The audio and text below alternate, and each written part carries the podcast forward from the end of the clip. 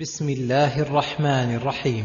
تبت يدا أبي لهب وتب ما أغنى عنه ماله وما كسب.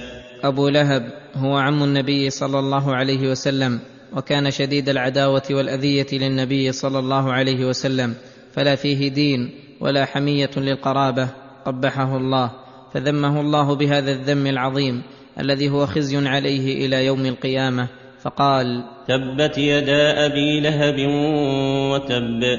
أي خسرت يداه وشقي وتب فلم يربح. ما أغنى عنه ماله وما كسب.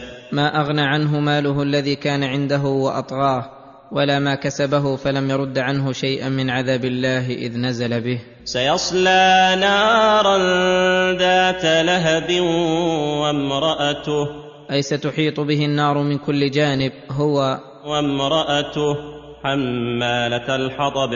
وكانت أيضا شديدة الأذية لرسول الله صلى الله عليه وسلم تتعاون هي وزوجها على الإثم والعدوان وتلقي الشر وتسعى غاية ما تقدر عليه في أذية الرسول صلى الله عليه وسلم وتجمع على ظهرها من الأوزار بمنزلة من يجمع حطبا قد أعد له في عنقه حبلا من مسد أي من ليف. أو أنها تحمل في النار الحطب على زوجها متقلدة في عنقها حبلا من مسد وعلى كل ففي هذه السورة آية باهرة من آيات الله.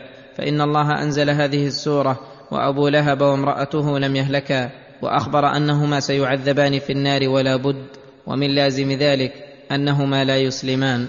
فوقع كما أخبر عالم الغيب والشهادة.